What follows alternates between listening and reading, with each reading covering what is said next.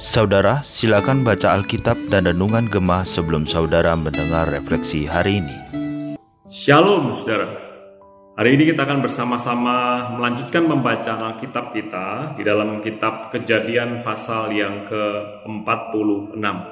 Saya tidak akan membacakan seluruh ayatnya tetapi hanya beberapa ayat saja. Kita mulai dari ayat yang pertama, Kejadian pasal yang ke-46. Jadi berangkatlah Israel dengan segala miliknya dan ia tiba di Beersheba lalu dipersembahkannya korban sembelihan kepada Allah Ishak ayahnya. Berfirmanlah Allah kepada Israel dalam penglihatan waktu malam, Yakub, Yakub, sahutnya, Ya Tuhan. Lalu firmannya, Akulah Allah, Allah ayahmu. Janganlah takut pergi ke Mesir, sebab aku akan membuat engkau menjadi bangsa yang besar di sana. Aku sendiri akan menyertai engkau pergi ke Mesir dan tentulah aku juga akan membawa engkau kembali. Dan tangan Yusuflah yang akan mengatupkan kelopak matamu nanti. Lalu berangkatlah Yakub dari Beersheba. Ayat berikutnya yang kita akan baca dari kejadian pasal 46 mulai dari ayat 28, saudara. Yakub menyuruh Yehuda berjalan lebih dahulu mendapatkan Yusuf supaya Yusuf datang ke Goshen menemui ayahnya. Sementara itu sampailah mereka ke tanah Goshen. Lalu Yusuf memasang keretanya dan pergi ke Goshen mendapatkan Israel, ayahnya. Ketika ia bertemu dengan dia, dipeluknya lah leher ayahnya dan lama menangis pada bahunya. Berkatalah Israel kepada Yusuf, Sekarang bolehlah aku mati setelah aku melihat mukamu dan mengetahui bahwa engkau masih hidup. Saudara, saudara sekalian, kita tahu bersama-sama bahwa kisah Yusuf mulai dari kejadian pasal yang ke-37 sampai 50 menyatakan kepada kita bahwa Allah memelihara umat Israel melalui seorang yang bernama Yusuf. Seorang saudara yang dibuang oleh saudara-saudara yang lain, seorang yang sudah dianggap mati, seorang yang barangkali dipandang sebelah mata pada waktu itu. Tapi ternyata Allah menggunakan Yusuf, Allah memakai Yusuf untuk memelihara keturunan Yakub.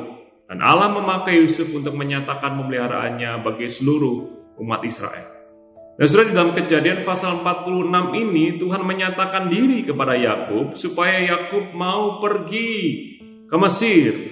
Di tengah-tengah kelaparan yang besar, yang berat yang melanda pada waktu itu, saudara, Tuhan menyatakan kembali janjinya kepada Yakub.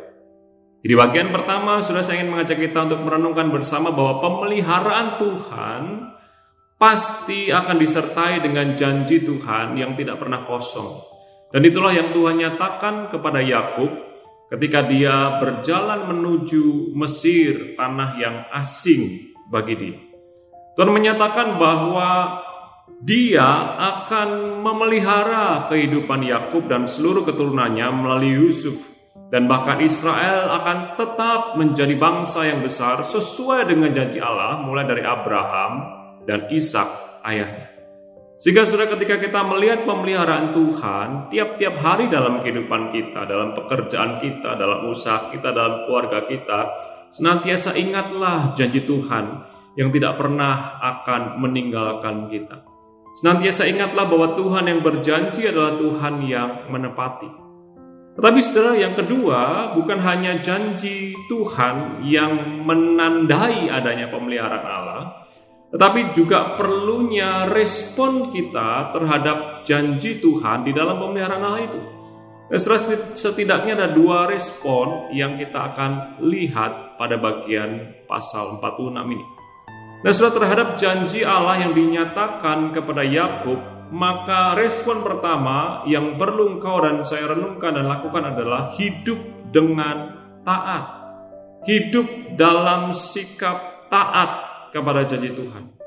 Nah, sudah seandainya Yakub tidak meresponi janji Tuhan itu bahwa dia akan memelihara dan menjadikan Yakub bangsa yang besar sama seperti Abraham, Ishak yang dijanjikan oleh Tuhan, maka Yakub tidak akan pernah pergi ke Mesir. Nah, sehingga janji Tuhan itu kita perlu responi dengan kehidupan kita yang terus-menerus belajar taat kepada Tuhan. Dan inilah yang Yakub dan kaum keluarganya lakukan.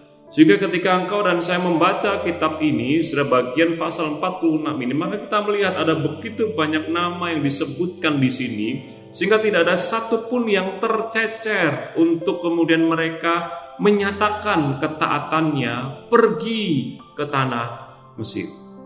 Demikian pula sudah ketika engkau dan saya ingin merasakan dan terus mengalami pemeliharaan Allah, maka Allah meminta hidupmu dan hidupku adalah hidup yang taat taat kepada apa yang dia minta, taat kepada apa yang dia katakan kepada kita, dan terus menjaga ketaatan kita itu sampai seumur hidup kita. Yang kedua, sudah pemeliharaan Allah di dalam janjinya yang dinyatakan itu diperlukan hidup dengan hikmat. Bukan hanya semata-mata taat, tetapi juga kita harus terus membangun hikmat kepada Tuhan. Dan inilah yang ditunjukkan oleh Yusuf. Ketika Yusuf meminta kaum keluarganya datang ke Mesir, maka Yusuf memilih tanah Goshen dan dia menyampaikan kepada Firaun. Dan kemudian di sini kita bisa melihat sudah bagaimana Yusuf mengatakan kepada kaum keluarganya, kalau Firaun tanya, katakan bahwa kita ini punya pekerjaan sebagai pemelihara ternak. Sebab saudara firman firman Tuhan katakan di dalam pasal ini saudara bahwa gembala kambing domba adalah kekejian bagi orang Mesir.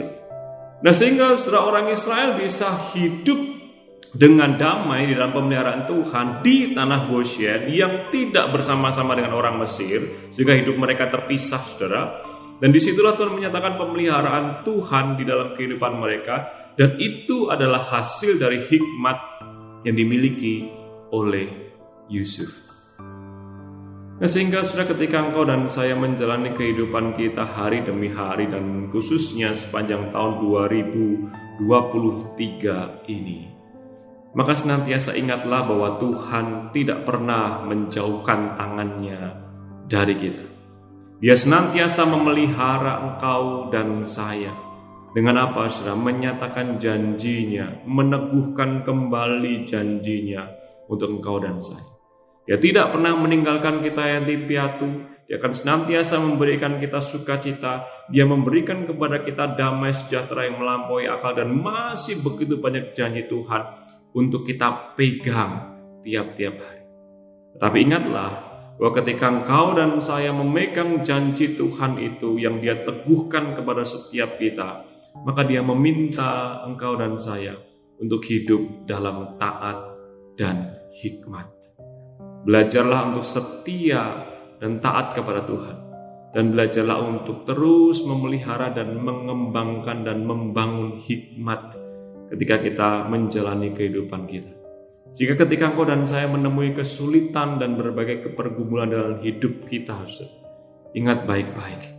Kita masih punya Tuhan dan senantiasa belajarlah untuk taat dan terus mencari hikmat yang tertinggi dari Tuhan itu. Selamat menjalani hidup kita hari ini dan sepanjang tahun 2023 ini di dalam pemeliharaan Tuhan. Dan biarlah hidup kita terus-menerus hidup yang taat dan hidup yang senantiasa menunjukkan hikmat di dalam Tuhan. Tuhan Yesus memberkati. Amin.